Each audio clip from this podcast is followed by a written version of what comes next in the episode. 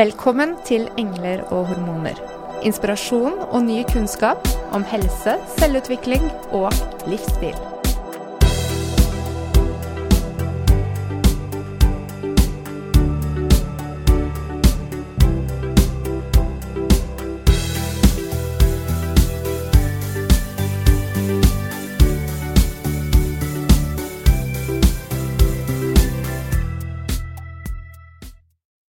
Allerede fra jentefosteret i magen er noen få måneder gammel, er hun utstyrt med alle eggene hun skal ha i løpet av et liv.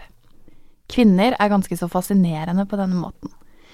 Hvordan vi blir kjønnsmodne og månedlig har sykliske endringer som kan skape liv frem til overgangsalder. Hormoner blir ofte forbundet med kjønnsdrifter i dagligtalen. Ved premenstruelle damer, eller når hormonene raser i kroppen som tenåring. Og det er vel knapt noe som kan skape like mye frustrasjon, glede og tårer som hormoner. Hormonene våre styrer ikke bare humør og syklus. De påvirker også kroppsvekt, regulerer vann- og saltbalanse, sult og metthetsfølelse, og sørger for at immunforsvaret fungerer som det skal. Hormonsammensetningen vår er noe av det som gjør oss helt unike som kvinner. Og hvis vi lærer å samarbeide med kroppen vår, kan hormonene være en gullgruve når det kommer til ulike situasjoner i livet, eksempel ved fødsel. I denne episoden skal vi komme nærmere inn på, ulike, på hvordan ulike prevensjonsmidler påvirker hormonene, og et overblikk over hormoner i graviditet, fødsel og overgangsalder.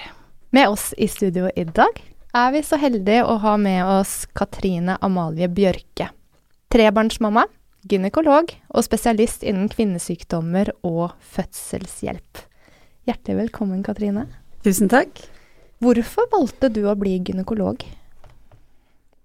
Mm, det var egentlig ikke det jeg hadde tenkt å bli, eh, men eh, da jeg på studiet var på kvinneklinikken, så ble jeg introdusert for faget, og det var jo, skal jeg innrømme, eh, fascinasjon på fødestuen som gjorde at jeg tenkte at dette her virker veldig gøy.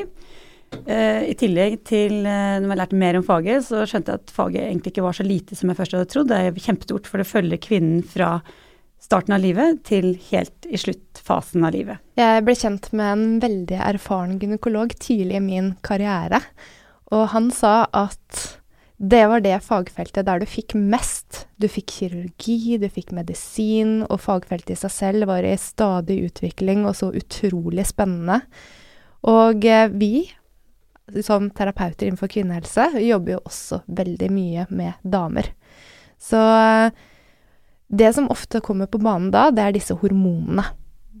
Hormoner har vi en oppfattelse av at ofte blir linket til noe som kanskje er litt negativt, og har blitt brukt på å beskrive kanskje litt sånn hysteri og premenstruelle tendenser. Men så er jo faktum at hormonene våre, det styrer jo så mange fantastiske prosesser i kroppen. Hva er egentlig hormoner, Katrine? Hormoner eh, det er jo rett og slett egentlig bare en samlebetegnelse for ulike substanser, altså kjemiske substanser, som i små konsentrasjoner i kroppen transporteres av med blodet til måleorganene. Eh, og der utløser det disse bestemte fysiologiske prosessene, og det er jo kjempevidt. Eh, og det som er avgjørende i forhold til gynekologi, da er det jo spesielt dette med kjønnsdrift og forplantning. Og så må jeg jo presisere bare da at jeg ikke er endokrinolog. De kan virkelig alt om hormonene. Vi som gynekologer kan eh, litt om hormonene som er relatert til kvinnens syklus og, og ja, forplantning og kjønnsdrift. Du kan definitivt mye mer enn det vi kan, og det er derfor vi har invitert deg hit i dag. Fordi vi har lyst til å lære mer. Og kvinnene som vi møter det daglige i livet på klinikken, de har også mange spørsmål om hormoner. Så de har vi tatt med oss inn hit i mm. dag. Mm. Og når vi kommer inn på hormoner, så er kanskje Tante Rød et greit sted å starte, Katrine.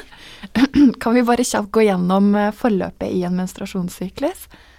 Ja, for sånn veldig raskt, da. Eh, så er det sånn at de forandringene som skjer, det er jo da styrt av hormoner som dannes da enten i hypofysen eh, i eggstokken eh, og eventuelt i morkaken hvis det blir en graviditet. Først så starter jo hypofysen med å avgi hormoner som stimulerer eggforliklene. Eh, til modning. Også etter hvert så blir det en moden stor forlikkel, og denne her bygger seg opp mot eggløsningstidspunktet. Eh, og da er det sånn at disse forliklene etter hvert produserer østrogen, det har man hørt om, og de påvirker da livmorens slimhinne og forbereder eh, livmoren til å eventuelt da ta imot et befruktet egg. Eh, ved eggløsning eh, så kommer jo da et egg som blir eh, forløst inn i egglederen, og her kan det eventuelt da befruktes. Eh, sånn midtveis i en menstruasjonssyklus, og kan, en menstruasjonssyklus er jo veldig varierende. Eh, mange kvinner har hørt at en syklus skal være 28 dager, eh, og at man da har eggløsning på dag 14. Og skulle gjerne hatt at det var så enkelt, men sånn er det jo ikke. For det mm. første så er eggløsningen eh, ikke nødvendigvis på dag 14, det er et sånn gjennomsnitt som man har teoretisk regnet og funnet ut at det kan passe med at det ligger rundt der, men det kan gjerne være før, og det kan være senere. Og en syklus eh, kan for noen kvinner være normalt på eh, enten lengre intervall eller kortere intervall. Men hvis vi tar utgangspunkt da, i en sånn teoretisk syklus eh, på 28 dager, mm. så skjer det ca. sånn midtveis. At man da får et nytt hormon som blir avgitt fra denne hypofysen, som er LH. Og da får man denne forlikkelen som har blitt bygd opp, den brister, og så frigjøres et egg. Eh, og da kommer det også progesteron inn på banen, og det bidrar til at slimhinnen omdannelse, altså det virker på den måten at det forbereder seg for en eventuell implantasjon, da. For det er sånn kroppen er egentlig alltid i, på, måte, i, eh, litt sånn på vakt for en eventuell mm. graviditet. Men hvis egget da ikke blir befruktet, så opphører denne forlikkelen som ble eh, omdannet eh, sånn midtveis. Og det her skjer etter ca. 14 dager, og så får man en menstruasjon. Så det er et sånt eh, Eh, enten-eller, fasen etter eggløsning. Enten så blir det en befruktning, og du blir gravid, mm. eller du blir ikke befruktet, og da ca. 14 dager etter det så forekommer da menstruasjonen. Um, ja, så det er sånn korte trekk. Uh, og hvis dette egget blir befruktet, uh, så er det jo sånn at uh, befruktningen skjer jo da i eggleder, og så etter hvert så blir det implantering av dette befruktede egget i livmorslimhinnen, som har blitt forberedt med disse hormonene. Mm. Eh, og da er det eggstokker som forsøker å opprettholde måte, hormonnivået tilfredsstillende, slik at eh, dette her eh, embryo- eller fosteranlegget kan utvikle seg. Og så tar morkaken. For der produseres det jo også hormoner, mm. og det tar over eh, på en måte videre eh, hormonstimulering og, og produksjon etter at man har eh, kommet over et sånn visst eh, stadie, da. Veldig fint. Og så er det jo noe vi jenter ofte kan kjenne litt på når det nærmer seg den tiden i måneden, og det er det at vi blir premenstruelle. Hvorfor får vi PMS? Dette her er jo veldig individuelt, men dette tidspunktet er jo, forekommer etter eggløsning. Og da er det igjen hormoner som er involvert i den prosessen, hvor altså progesteron Eh, fører til at livmorslimhinnen bygges jo opp eh, og gjør seg klar til å ta imot dette befruktede egget. Men i mellomtiden så er det denne follikkelen som har løst ut et egg. Eh, den er tom og begynner å trekke seg sammen. Og så fortsetter den likevel å produsere både progesteron, og i tillegg så produserer den av østrogen. Så nå har vi plutselig to komponenter som virkelig er på vei oppover. Og da får man disse symptomene eh, på PMS, eller sånn premenstruell spenning. Eh, det kan være litt forskjellig. Mange opplever at de får en veldig endring i psyken. De blir nedstemte, agiterte, noen opplever ømme bryster, slapphet, eh, irriterte, de føler at de får oppblåste maver. Mm. Og føler seg egentlig generelt ganske dårlig, eller ja, litt sånn ille til mote. Mm. Og det forekommer i denne perioden her, da. Og det er jo ofte også liksom tidlig tegn nesten på at man er gravid òg. Ja, så det kan jo fort gjort uh, Kan jo alltids ta feil, men uh, det er jo pga. igjen at det er mm. stor økning i hormoner før det etter hvert vil falle ja. uh, ved en eventuell menstruasjon, da. Mm. Og så er det sånn at hvis man ikke ønsker å ha barn riktig enda, så finnes det jo nærmest et hav av ulike prevensjonsmidler. Og det finnes også ikke minst mange myter omkring disse prevensjonsmidlene. Blant annet så har man jo hørt at spiral ikke er noe man setter inn på jenter som ikke har fått barn. Kan vi komme litt inn på de ulike typer prevensjonsmidlene? Ja, absolutt. Uh, først må jeg si at uh, vi er jo kjempeheldige som har så mange ulike uh, preparater som vi kan velge hva gjelder prevensjonsmiddel. Man har, vi deler det ofte opp i altså hormonfri prevensjon. Eh, og så har man prevensjon som er eh, kombinasjonspreparater. Og så har vi de rene gestagenpreparatene. Eh, og her skal man som regel finne noe som passer eh, den enkelte. Mm. Eh, det er f.eks. spiral, da. Spiral har jo Først så kom kobberspiralen, og så har det jo kommet hormonspiral på markedet. Og per i dag så er det jo tre ulike typer på markedet. De er litt ulike i altså mengde eh, gestagener, for dette er rene gestagenprodukter. Altså de inneholder ikke østrogen. Mm. Eh, så de avgir en litt sånn ulik mengde, og de kan sitte i alt fra tre til fem år. Eh, og eh, den oppfatningen om at man eh, måtte ha født barn eh, for å sette inn en spiral, den, den finnes ikke lenger. Nå anbefales det eh, fra norske myndigheter også at man setter et langtidsprevensjonsmiddel, fordi eh, det forhindrer jo uønskede graviditeter. Eh, og eh, det er ingen brukerfeil. Mm. Sånn at eh, kvinnen kommer til legen sin og får f.eks. satt inn en hormonspiral eller en p-stav. Det også er jo et veldig trygt og fint prevensjonsmiddel. Og så trenger man ikke tenke mer på det i enten da tre år eller fem år. Litt sånn avhengig av hvilket produkt man velger. Men når det gjelder disse spiralene, da, så er det liksom Det er jo noe som heter minispiral også, som da inneholder litt mindre doser med hormoner. Eh, er det gjerne de som blir anbefalt til de som ikke har født barn, eller hvordan er det? Uh, Det er den minste. Det er en spiral som heter JDS. Den uh, varer i tre år, og den har det minste på en måte prevensjons... unnskyld. det har det minste innholdet av, av hormon. Det vil vare i tre år. Og hos mange så vil man få lettere blødninger, men kanskje gjerne regelmessige blødninger. Den ble jo lansert som en eh, hormon som da var litt mindre i størrelsen, og derfor kanskje lettere å sette inn hos kvinnene. Eh, Så den er brukt mye, og så har det vært den som har vært lengst på markedet. Eh, Det er en Mirena-spiral, det er den som har det høyeste innholdet av gestagener, og den brukes eh, ofte med indikasjonen hvis man har en kraftig menstruasjonsblødning f.eks., at man trenger å regulere den, så er det et veldig godt valg. Og så har det kommet nye ting på markedet. Den siste er en Kylena, og det er eh, en litt sånn midt imellom av disse to. Også i størrelse. De er i tripp-trapp eh, tresko i størrelser. Mm. Men som regel så er det sånn at det går egentlig greit å sette inn hvilken som helst spiral hvis du først setter inn en spiral. Ja. Så kvinner kjenner litt lett ubehag, men det er forbigående.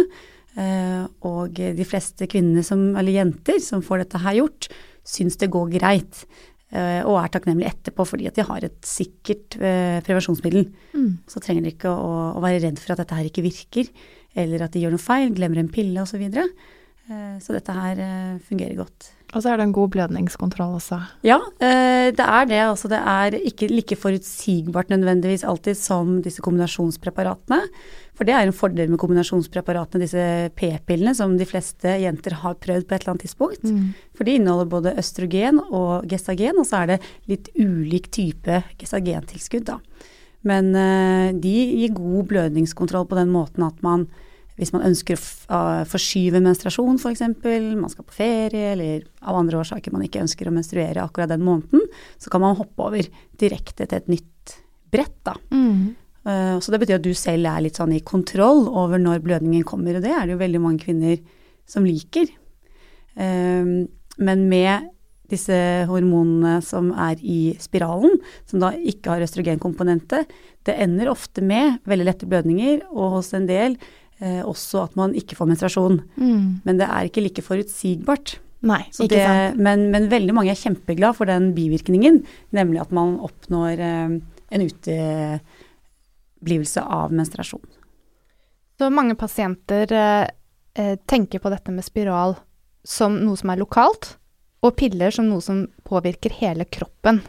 Stemmer det at eh, denne virkningen av de to ulike prevensjonsmetodene har eh, Den ene har mer lokalvirkning, mens den andre har på hele kroppen, og dermed litt flere bivirkninger? Ja, altså en tablett eh, virker jo på den måten vi sier systemisk. Altså den skal jo absorberes, du svelger den, og så skal du ned i, i, eh, i maven og tarm, og så skal det her gå igjennom på en måte kroppens metabolisme. Eh, så noen opplever at de blir mer påvirket av det fordi det får en sånn systemisk effekt, altså det påvirker, går gjennom blodet og i kroppen. Men eh, som regel så er den ganske liten. Eh, og så er det når man setter inn f.eks. en spiral, da, så er det hovedsakelig en lokal effekt. Men det går også noe over i blodbanen, men veldig lite. Og jeg tenker at det er vel sagt at det tilsvarer ca. én til to piller i uken. Mm. Det å ha én spiral inne, da. For den avgir litt og litt eh, hormon, da. Men den virker først og fremst lokalt. Og de fleste opplever veldig lite bivirkninger med prevensjon. Men det som er viktig å få sagt, er jo at det florerer enormt mye eh, myter og, og, misoppfatninger hva gjelder eh, prevensjon. Og det tror jeg kanskje er viktig at man tar opp med en lege eller en sykepleier eller noen annen som har kunnskap om området, eh, før man eventuelt eh, slutter på det man bruker eller velger et preparat. Da, at man har god kunnskap om det preparatet man velger eller blir satt på, da.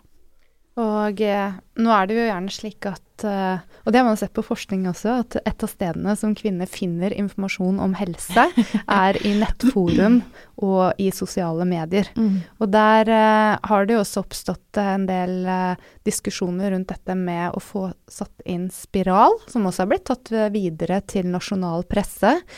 Og eh, det med å ha vondt av å få satt inn spiral, er det noe du som gynekolog ofte opplever, at det forårsaker smerte hos en kvinne å ha en spiral? Jeg mener, altså i min erfaring, så har jeg ikke egentlig veldig kjennskap til at de er plaget med mye smerter. Hvis de skulle erfare smerter etter innsetting, så er det kanskje noe med den spiralen, at den var satt feil i utgangspunktet, at den ikke satt riktig. Sitter en eh, spiral korrekt, og den er plassert riktig, så skal ikke kvinnen kjenne spiralen. Uh, og jeg har også lest uh, litt i nettaviser osv. om at, at, noen kvinner erfarer det. Og jeg tenker at jeg er vel ikke så veldig kjent med det selv, og mener erfaringsmessig at man ikke kjenner spiralen sin. Men man må ta kvinnen på alvor, og opplever hun at hun har de plagene, så er det ikke verre enn at man fjerner den spiralen. Og så ser man om plagene ble bedre. Og hvis den gjorde det, så er det ingenting som er bedre, for da finnes det masse andre gode Eh, preparater man kan eh, sette kvinnen på. Men eh, i utgangspunktet så, så, er det ikke slik at man skal kjenne en spiral. En annen ting som mange eh, faktisk kommuniserer, er at de er redd for at denne spiralen ikke skal sitte riktig, eller endre posisjon og begynne å vandre rundt i kroppen. er det noe som du har opplevd eh, i klinisk praksis? Jeg har funnet spiraler på avveie. Uh, men det er fordi at uh, da har man kanskje uh, satt den inn f.eks. For, for tidlig etter fødsel. Og det er det vanligste. At hvis noe skulle skje, så er det fordi at man ved innsetting av spiralen rett og slett lager et lite hull i livmorhulens vegg, og så setter man den feil. Og det kan skje. Eh, det er en grunn til at man har anbefalt at hvis man skal sette inn spiral, så bør man vente seks til åtte uker etter fødsel f.eks., for eksempel, fordi at da er eh, livmoren tilbake i så å si på en måte normal eh, fysiologisk eh, tilstand etter eh, fødsel, og at risikoen for å perforere, som vi kaller det, da, eller rett og slett sette den gjennom livmorhulleveggen, den risikoen er veldig mye mindre. Mm. Men risikoen er størst kort tid etter fødsel. Eh, også eventuelt hvis man utfører en abort f.eks. Eh, litt det samme, så man må være forsiktig eh, for at man ikke eh, kommer igjennom livmorhulens vegg. Og det er jo fordi at igjen disse hormonene har påvirkning eh, på slimhinnen og på muskulaturen i, i, livmoren, som gjør at den lettere eh, kan eh, på en måte brytes igjennom da når man setter inn en spiral. Så tenker jeg litt rundt dette her med eggløsning og, og ulike hormonprevensjonsmidler. Um, er det sånn at uh, spiralen, der fortsetter du å ha eggløsning? Den hemmer eggløsning, men det er med gestagenpreparatene så er det sånn at den hemmer eggløsning, men kanskje ikke nødvendigvis hos alle. Nei. Mm. Så når man da skal prøve å bli gravid, mm. velger å slutte på et prevensjonspreparat, mm. um, hva er det som er mest gunstig der, på et vis? Altså uh, det er jo sånn at uansett hva man bruker, så bør man bruke prevensjonsmiddel så lenge man ikke ønsker å bli gravid. Mm. Det er på en måte det viktigste. Og den dagen man ønsker å bli gravid eller begynne å forsøke, så må man slutte eller fjerne det man eventuelt står på. Og da er det jo forsket også på det, at hvor lang tid tar det før man har menstruasjonsblødning, hvor lang tid tar det før man får en eggløsning. Eh, og der er det jo kjempemange eh, misoppfatninger igjen, da. Ja. Som at hvis du har stått lenge på p-pille eller stått på spiral over lang tid, så har dette her eh, gjort at du Altså det reduserer fertiliteten din. Eh, og det stemmer jo ikke. Det eneste preparatet dette her kanskje stemmer for, er den p-sprøyten, som ikke så mange nå lenger får. Men p-sprøyten har eh, vist seg at eh, det hindrer på en måte at alt eh, av disse hormoner kommer i gjenge igjen på den samme tiden som ved andre prevensjonsmetoder. Men gjennomsnittlig så er det blitt forsket på at det er funnet eggløsning ca. 17 dager etter seponering. Og det tror man på en måte gjelder sånn ganske gjengs for de fleste. Så hvis man erfarer uregelmessigheter etter at man har sluttet på et, prevensjonsmiddel, så kan det være bare at kroppen trenger litt tid til å komme i gang i sin normale syklus. Men så kan det jo også være at når du har brukt en prevensjonsmiddel, f.eks. en kombinasjonspille som har gitt deg regelmessige blødninger, så kan det hende at det bare har eh, vært på en måte kamuflerende for noe underliggende eh, som har vært i ubalanse, men som man ikke har oppdaget fordi man har fått kontinuerlig tilskudd av Mm. østrogener som har gjort at du har en regelmessig menstruasjonssyklus, eller blødning eller bortfallsblødning, da. Men eh, så det kan også hende at eh, mange ting kanskje egentlig har eksistert og vært foruteksisterende, eh, men det blir veldig synlig når du blir eldre, da, og, og ønsker barn, f.eks. Mm. Fordi mange går jo på prevensjon lenge, slik at hvis man f.eks. da starter på prevensjon i slutten av tenårene og bestemmer seg for å prøve å få barn, slik som mange gjør nå i slutten av 20-årene, så er det jo en lang periode der du går på et tilskudd. Eh, og i den perioden er det også slik at vi får mange endringer i kroppen på hvordan syklusen vår kan være fra slutten av tenårene og på ti år, da, frem til slutten av 20-årene, er det slik at kroppen vår naturlig sett endrer seg i hvordan den oppfører seg med syklus? Altså, de fleste har en veldig uregelmessig menstruasjon første, kanskje første året, andre året etter menarke, altså debut av menstruasjonsblødning. Eh, Så vil det, hos noen vil det bli veldig regelmessig veldig raskt, og hos noen vil det ikke bli det. Så igjen så er det de der store individuelle forskjellene som er hos mange normale. Det trenger ikke være noe galt, men f.eks. da med eh, PCOS, da, som er en diagnose som veldig mange kvinner har. Eh, eh, altså disse polycystiske ovariene. Det betyr jo bare at det er mange eh, syster, man ser det på eggstokkene, og det kan gi uregelmessig eggløsning. Eh, og det her kan jo, det er jo en tilstand man som i regel måte er født med, eh, men man er litt forsiktig med å sette, sette den diagnosen eh, før kvinnen er nærmere 20 år, fordi at eh, det er normalt å ha mange egg eh, til stede på en ultralydundersøkelse på unge, friske jenter.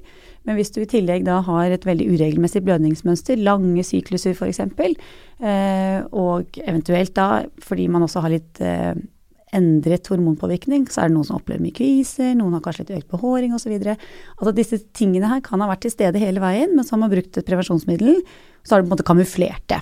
Så når du da er 30 år og har lyst på barn, eh, så opplever man disse uregelmessighetene, så får man kanskje den diagnosen stilt hos gynekologen. Men det er ikke noe verre enn at denne diagnosen har vært til stede hele tiden, og det er ingenting eh, man kunne egentlig ha gjort for å forhindre at dette her skulle skje. Eh, og det er ikke noe som har blitt skadelig ved at man har brukt prevensjon. Det har ikke gjort eh, tilstanden Altså noe, det gir ingen forverring. Eh, så det som er viktig da, er at man holder en stabil, fin vekt, at man er fysisk aktiv og på en måte gjør de tingene som gjør at man har en sunn livsstil. Mm. men det er ikke prevensjonen eh, som har eh, noe skyld i dette her, eller som gjør at man kunne ha oppdaget det tidligere og at det hadde hatt noe å si sånn sett. Eh, tilstanden er der, og den må man heller bare eh, forholde seg til. Og så kan man eh, få hjelp hvis man får vanskeligheter med å bli gravid, f.eks. Ja, for det er PCOS. Mhm. Men så har vi andre utfordringer med graviditet, eh, som f.eks. endometriose. Mm. Eh, jeg har inntrykk av at der, eh, der har tid kanskje noe å si. Stemmer det?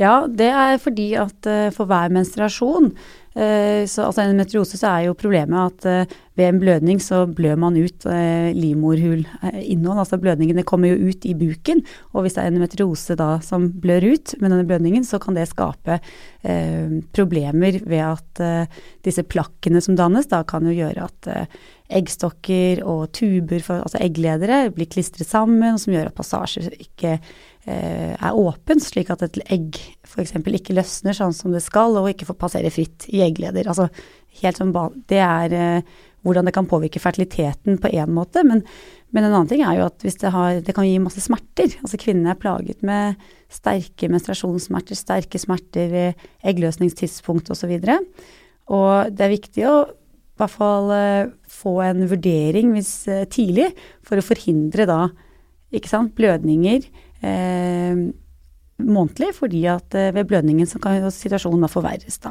Så da anbefaler man jo ofte å bruke prevensjon for å få en god, å få en god kontroll da, på blødningene. Og det som jeg tenker, eh, som jeg opplever med de pasientene som har endometriose, eh, er også at de kanskje har hatt familie som har hatt det, og at det med å ha vondt når du har menstruasjon, det blir normalisert hjemmefra, slik at de ikke nødvendigvis oppsøker hjelp. Mm. Fordi mange tror at det, det, er bare slik det er. Mm. Men her er det faktisk ganske viktig å komme til gynekolog og få mm. hjelp. Absolutt. Jeg tenker at hvis du har en menstruasjonsblødning som er så vond hver måned at du enten blir forhindret til å gå på skolen, eller gå på jobb, eller delta på normale aktiviteter, så bør du tilse seg lege. Fordi at eh, så vondt uh, trenger det ikke å være. Uh, for det første kan vi hjelpe til, men det er også viktig å på en måte få en undersøkelse og få tatt en liten status på hva det er alt som det skal være, eller, eller ikke. Mm. Og det å få hjelp. For man ja, litt menstruasjonssmerter, det er helt normalt. Men det skal ikke være sånn at man på en måte er sengeliggende. Uh, da er det noe som er galt, og da, da bør man oppsøke hjelp. I hvert fall slik at man kan få en vurdering. det tenker jeg er viktig. Og det er jo i forhold til dette med fertiliteten, da, som vi var inne på nå med hormonene, så er det jo slik at vi blir jo eldre. Mm. Er det slik at alder uh, påvirker veldig mye på fertiliteten? Er det hormonene som spiller mm. inn her også? Ja. Uh, bare for å si raskt i sted, bare dette her om endometriose òg. For det er bare sånn at det er sagt, at man kan ha mye endometrioseforandringer i, i bekkenet sitt uten at eh, det påvirker f.eks. fertiliteten, eller noen kan ha lite, og det kan likevel gjøre at man har eh, mye smerter, eh, vanskelig å bli gravid. Det er ikke alltid at eh, utbredelsen eh, passer eller eh, korrelerer like mye med smertebildet eller fertiliteten. Så det er veldig komplekst. Eh, så det er bare viktig å ha sagt. Det er ikke gitt at hvis du har en metrose, så skal det bli kjempevanskelig å bli gravid, eller at du må ha veldig vondt, men det fins masse eh, måte, ulike eh, presentasjoner av den sykdommen. Um, og når det gjelder fertilitet sånn generelt, eh, så er jo alder avgjørende. Eh, man vet at fertiliteten eh, er jo absolutt best. Altså man har høyest sjanse for å oppnå graviditet i 20-årene. Og så forandrer det seg veldig etter fylte 30. Da er det ganske individuelt. Da er det store individuelle forskjeller.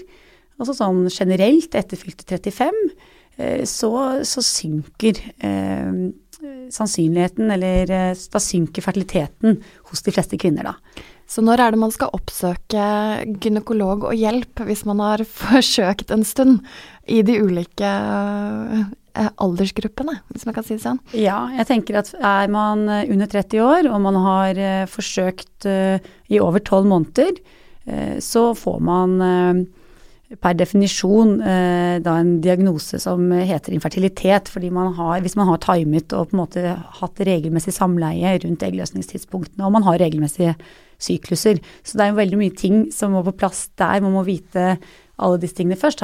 Men sånn generelt, under 30 år, har det gått over 12 måneder, så vil jeg absolutt anbefale å søke hjelp. Og over 30 år, eh, så kanskje man skal være litt tidligere ute. Eh, over 35 år, i hvert fall etter seks måneder. Eh, og er, ofte så får man det jo da til likevel, selv om man har søkt hjelp, men det er noe med å bare begynne å kanskje kartlegge litt. Se at hormonene at det er i orden, og ikke minst også stoffskifte. Det er flere ting som kan gjøre at man får uregelmessige sykluser. Eh, så én ting er kvinnen, det, men det er jo ikke sånn at det bare er kvinnen eh, som skal eh, på en måte, Alt skal ikke være bare på stell der. Man må jo også tenke at eh, man har en partner. Mm. Eh, så man har jo tre faktorer. Man har jo mannen, kvinnen, og så har vi det ukjente. Altså det som vi ikke helt Det er jo mange ganger vi ikke finner en årsak. Mm. Men det å i hvert fall lete etter noen årsaker, det er jo lurt. Eh, og så finnes det jo hjelp hvis man trenger det.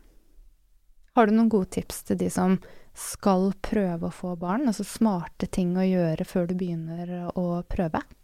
Jeg tenker først at det første rådet ville være å stresse litt ned. Prøve å slappe litt av. Prøve å glede seg over at man eh, faktisk nå har bestemt seg for at man ønsker å prøve å få barn. Mm. Eh, og tenke også at eh, det er ikke gitt at dette her skjer på første forsøk, ikke tredje og heller ikke sjette. Eh, men at de fleste får det til i løpet av tolv måneder. Eh, vite at man eh, har en altså Prøve å få litt oversikt over syklusen sin kan jo være veldig fornuftig. Men eh, samleie, har man samleie to til tre ganger i uken, så trenger man sjelden å time det veldig mye mer. Men hvis man har hatt samleie to-tre ganger i uken og ikke oppnådd graviditet, så kan man jo prøve å kartlegge den syklusen sin litt, og tenke ut når er det man har eggløsning, og så prøve eh, fokusere på å ha samleie i de dagene før eggløsning og på eggløsningsdagen. Men eh, kanskje seks dager før eggløsning, samleie annenhver dag f.eks. Eh, men så er det jo også det å være litt god med seg selv, da, tenker jeg, i den prosessen. Spise, drikke, trene, ha det på en måte eh, bra. Eh, slappe litt av og tenke at dette her er faktisk noe som kanskje veldig mange kvinner i dag ikke helt klarer å ha kontroll på. Da. Altså det er det vi er vant til å ha kontroll på veldig mange ting. Og jeg tror ofte det er det som gjør at dette her er vanskelig. Fordi man har bestemt seg for å få barn. Og da skal man få barn. Da skal Mm. man bli gravid like raskt som venninnen sin, f.eks. Og sånn eh, Det skjer ikke alltid. Så man må være litt åpen og litt tålmodig. Og eh, prøve å slappe av. Og søke hjelp hvis man lurer på noe. Det tror jeg er veldig lurt. Og eh, kanskje søke litt profesjonell hjelp. Altså sånne ikke bare lese ting på nett osv. Fordi at det kommer en del ting som er riktig for den personen som kanskje har skrevet det. Men sånn i det store og det hele så er det kanskje ikke alltid sånn. Det fungerer kanskje ikke for alle. Så bør man kanskje få en litt mer sånn objektiv gjennomgang på, på dette her, da, hvis man trenger hjelp til å forstå syklusen sin f.eks., eller lære seg om fertile perioder. Ja.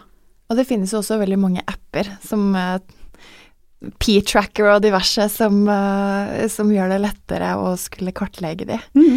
Eh, og når du er inne på dette her med ja, er det en periode i livet hvor man virkelig mister den kontrollen, så er det jo idet man bestemmer seg for å prøve å bli gravid, og når man er gravid og under fødsel, og disse tingene her skal vi jo komme litt mer inn på.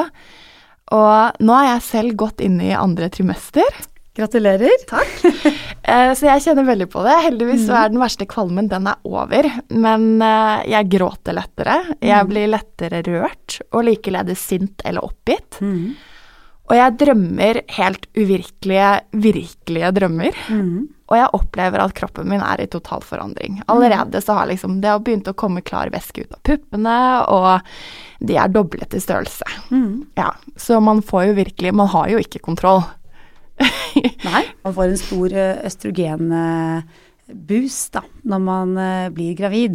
Eh, og eh, det påvirker eh, brystene f.eks., det påvirker eh, humør, det påvirker Det er mye som på en måte blir veldig affisert da, av denne hormonendringen, den store kroppslige forandringen som skjer. Eh, og det er jo ikke bare hormoner, det er store fysiologiske endringer. ikke sant? Hjertekar, altså du skal Du får mer et større eh, altså blodvolum og alt dette her også øker. Eh, så jeg tenker at eh, de hormonelle påkjenningene, det er det ene. Og det andre er jo også at du blir mentalt, altså psykisk eh, påvirket fordi eh, jeg tror det har absolutt noe med hormoner å gjøre, men det har jo også noe med tilstanden og den vissheten om at nå endrer livet ditt seg, da. Det endrer seg fra å bare tenke på seg selv, til å, at man skal bli en familie, eller man skal ta, være ansvarlig for et annet menneske. Mm. Eh, men det er klart det er eh, Der er det mye som skjer. Men sånn som svangerskapskvalmen og sånne ting, som gjerne gir seg spesifikt etter sånn Mhm. 12-13-14 uker. Mm. Eh, de sies jo at det har noe med HCG HCG, ja, og det Mm. produseres jo da eh, altså fra morkake etter hvert. Og et eh, høyt HCG-innhold kan gi kvalme. Eh, så er dette her som regel for bygghånd. De fleste som er plaget med, med mye kvalme, gir seg, det gir seg i sånn uke 14-16. Og hos noen så vedvarer det, Mm. men uh, noen uheldige. Men uh, noen er kvalme, og det er ikke bare morgenkvalme, det er jo da en generell kvalme Uh, gjennom egentlig hele døgnet, eller det kan opptre på ulike vis. Mm. Men for de fleste så sier de at andre trimester er et godt trimester, fordi man etter hvert denne kvalmen slipper taket. Man er fortsatt eh, på en måte ikke så stor, slik at man ikke har noen begrensninger sånn rent fysisk. Eh, og så forandrer det seg litt i tredje trimester, hvor du blir litt større og har litt vanskeligheter med å kanskje bevege deg like fritt da, Mm. som du har gjort tidligere. Ok. Så Katrine, så har vi jo ulike hormoner som, eh, som det kanskje er litt myter om i svangerskapet, annet relaksin og bekkenløsning. Ja, Hvordan stiller du deg som gynekolog til dette? Nei, altså bekkenløsning er jo øh, kanskje en diagnose som øh, ikke brukes så mye lenger. Men øh, det er jo en del kvinner som erfarer at det er smertefullt eh, i bekkenet eller hofter, eh, underliv. Det kan være vanskelig å differensiere hva er det som er vondt. Eh, slik at eh, hvis en kvinne kommer eh, til legen sin med de plagene, så som lege så pleier man jo først å bare utrede og se er dette noe alvorlig, er det noe med fosteret, er det noe annet, er det noe mave-tarm. Eh, og hvis man ikke finner noe av det, og det er vondt eh, ved at man trykker på f.eks. da symfyse eller hofte, så kan det jo være at dette her er fordi at det blir litt eh, slarkete rett og slett i, i leddene, tror man pga. relaksin, og det er jo en forberedelse til fødsel. Fordi at et barn skal fødes gjennom fødselskanalen, som er en benete struktur. Eh, og da er det en veldig fin fordel at det gir litt rom. Um, så vi behandler jo ikke så mye bekkenplager egentlig, vi som er leger, men vi henviser eventuelt de kvinnene til eh, fysioterapeuter f.eks., Mm. eh, som eh, kan gi litt øvelser osv., som kanskje kan, kan hjelpe kvinnen, da. Og så var det som Mona fra 2010 så har man sluttet å kalle det for bekkenløsning, men kaller det heller svangerskapsrelatert bekken- og korsryggproblematikk eller korsryggsmerter. Ja, det er veldig langt navn. Mm. Men til og med Landsforeningen f har jo endret navnet f- til Landsforening for eh, bekkenleddsplager. Eh, og som terapeut da, så må jeg si at jeg syns det er veldig fint at den frykten for at det løsner jeg, aldri, jeg, jeg har jo aldri sett et bekken som løsner totalt. Det høres Nei. jo ut som man faller fra hverandre. Men eh, anatomisk så er det jo veldig mange strukturer i bekkenet som kan gi smerte. Ja. Eh, så, så, så som oftest så, så er det ikke at det løsner som, som er smertegeneratoren, da. Nei. Nei, det løsner ikke heller. Det gjør det jo ikke. Det bare kan som sagt oppleves litt løsere, men det har en fysiologisk eh, funksjon. Eh, også for de fleste kvinner så er dette forbigående, og det er kanskje viktig også å informere dem om. Ja, og så er jo egentlig bekkenløsning noe som alle kvinner får, nettopp fordi det er en forberedelse til fødsel. Akkurat det. Mm. Ja, og det skal du være glad for, Mm. Definitivt veldig glad for det. Og så er det jo dette her med kynnere, da, som mange kvinner opplever under eh, svangerskapet. Hva er egentlig kynnere? Kynnere, det er jo kontraksjoner, altså muskelkontraksjoner. Hele livmoren er jo en stor muskel. Eh, så det er eh, på en måte forberedelser eh, til fødsel. Eh, og noen kvinner er mer plaget enn andre. Eh, men dette her er ikke noe som vil lede til fødsel, men det utløses gjerne av fysisk aktivitet, f.eks. Eh, er man veldig fysisk aktiv, eh, så er det noen kvinner som da opplever at det strammer seg i maven. Eh, de kan oppleve at de går, f.eks., og så må de stoppe opp fordi at det, det knøt seg i maven. Mm. men dette her er ikke farlig, men det kan være ubehagelig. Mm. Veldig bra. Og kynnere blir ikke um, styrt av hormoner, Nei. slik som riene blir. Nei, nei, ikke i den grad. Nei. Bra. Så når vi da har kommet eh, litt vekk fra kynnerne, og det nærmer seg termin. uh, og så kommer er det, er det fødselen, rett og slett, som står for tur. Eh, vet man noe om um, mekanismene bak liksom fødselsstart? Altså når er det fødselen starter?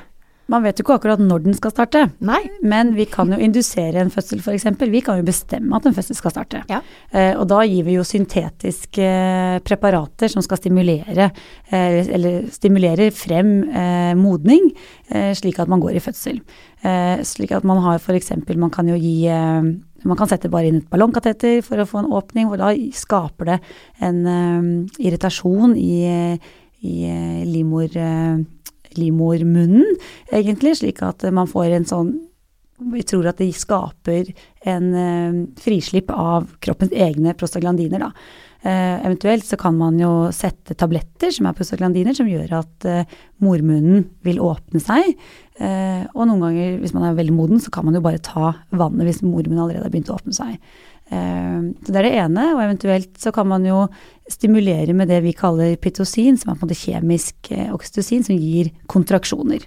Så vi har jo en del medikamenter som eh, prøver å herme etter kroppens egne eh, hormoner, men eh, som regel så vil jo de fleste kvinner gå over i aktiv fødsel av seg selv, men noen trenger hjelp, og da har vi substitusjonsbehandling da, klart som vi kan bruke. Er det slik at eh, oksytocin og det å prøve å, stimulere selv har en effekt? Eh, jeg tenker på dette kosehormonet, og da får Mhm. man Jeg har i hvert fall fått råd om det at eh, ja, man skal kose, og seksuell kontakt, altså alt dette kan fremme at en fødsel starter. Eh, Det har jo vært eh, snakk om det, men man har vel egentlig ikke fått påvist det helt sikkert. At det er heller f.eks.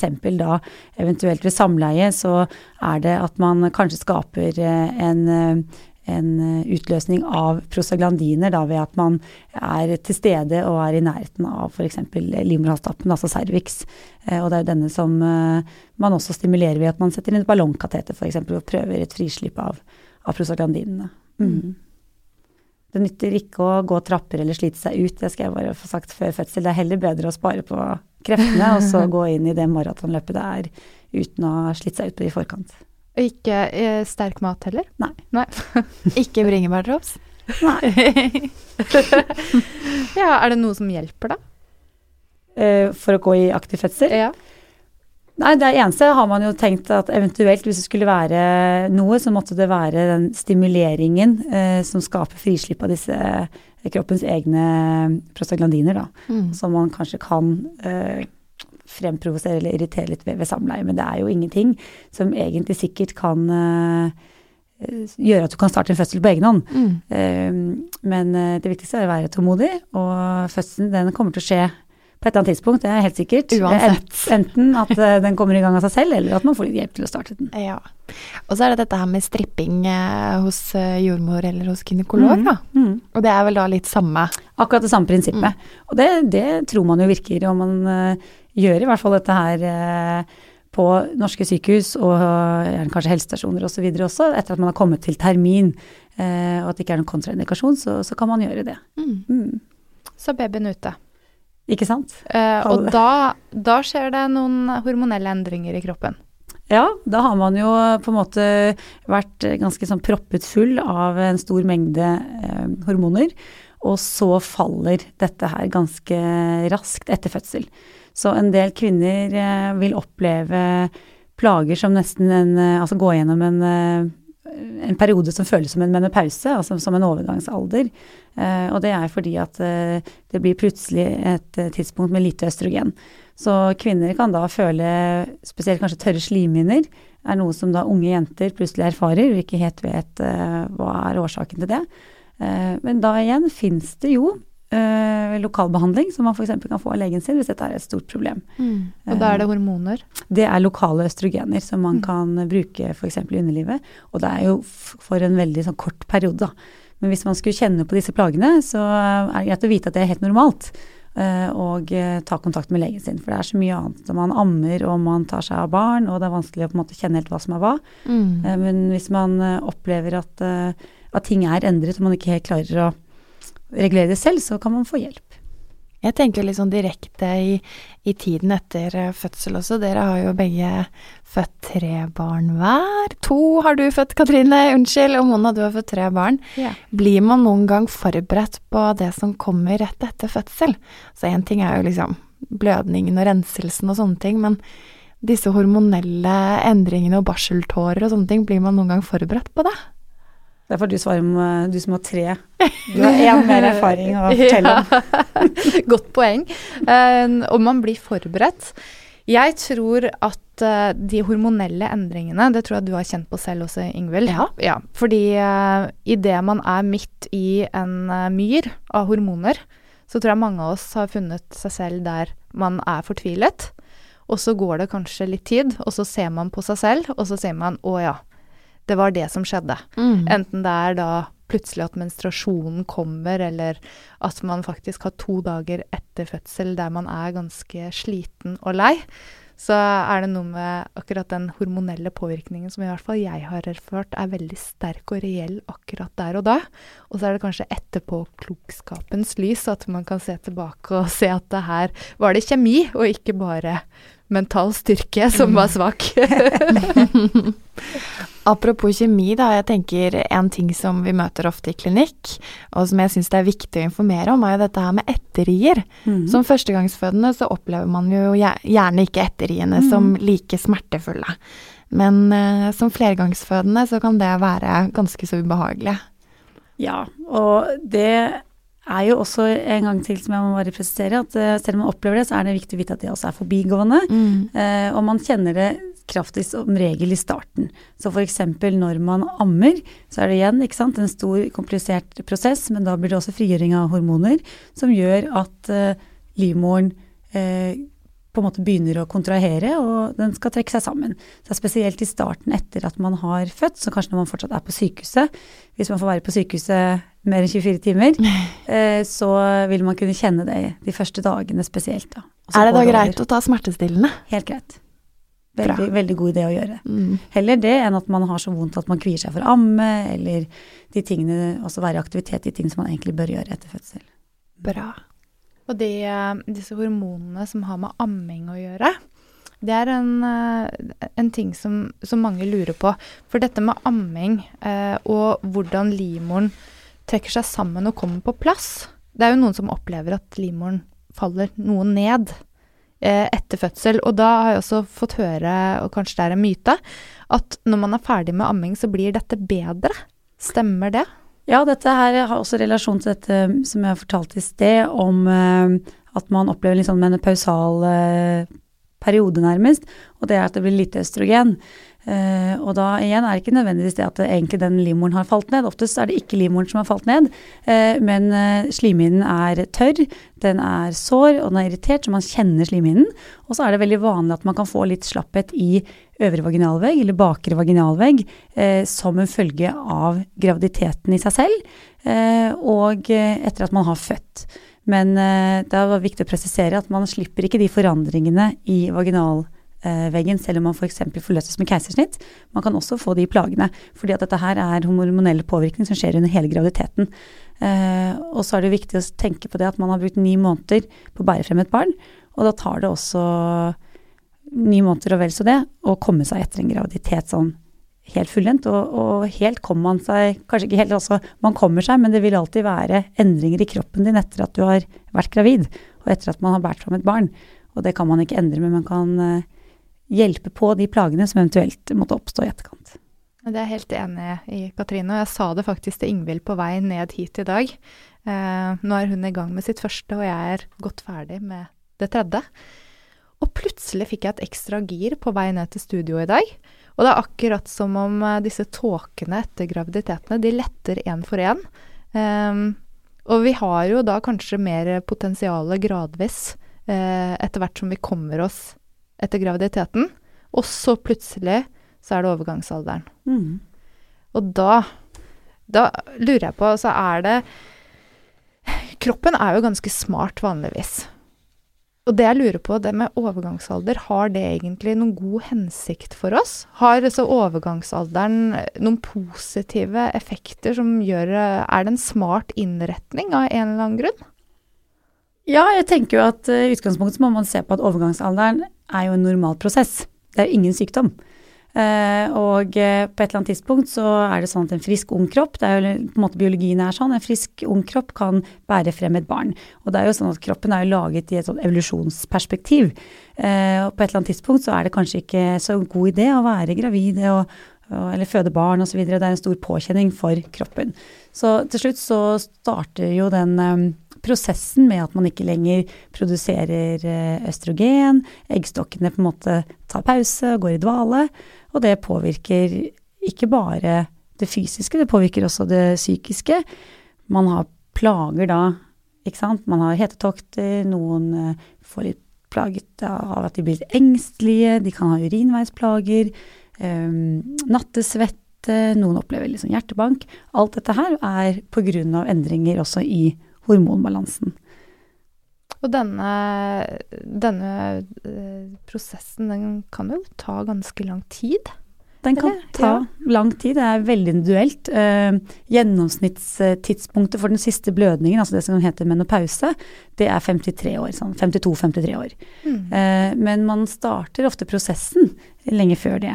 Gjerne er det Eh, mange som erfarer at menstruasjonsblødningene endrer seg. De kan bli alt fra kraftigere, mer smertefulle og lengre, eh, mens noen har eh, kortere intervaller mellom blødningene, og noen har helt uregelmessige blødninger.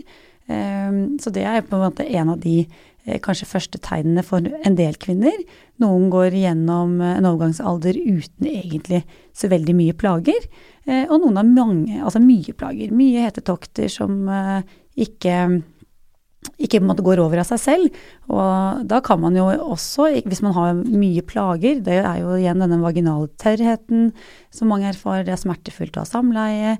Veldig mange av disse plagene trenger man ikke å ha, eh, for man kan få hjelp. Og da kan man få hjelp med enten lokale eh, østrogentabletter f.eks., eller man kan få andre preparater, både spiraler for blødningsforstyrrelser, gestagener eller kombinasjonspreparater for hetetokter osv. Du har så mye utstyr, Katrine. det er så mye du kan hjelpe til med. Jeg syns det er én uh, uh, ting som ofte kvinner sier uh, på mitt kontor i forbindelse med overgangsalder, og det er fortvilelsen over at de har fått et par ekstra kilo mm. som de aldri ble kvitt. Mm. Men stemmer det der at det også kan være en fordel for hormonbalansen å ikke være for lav i BMI? Jeg tenker en sunn BMI generelt eh, er det beste, men man anbefaler også for kvinnene som går igjennom menopause, at de bør ha en eh, altså normal BMI, fysisk aktivitet, eh, søvn, ikke røyke osv. De tingene kan også bedre menopauseplagene. Og så er det også viktig å presisere at de fleste kvinner de klarer seg veldig fint gjennom en overgangsalder uten substitusjonsbehandling.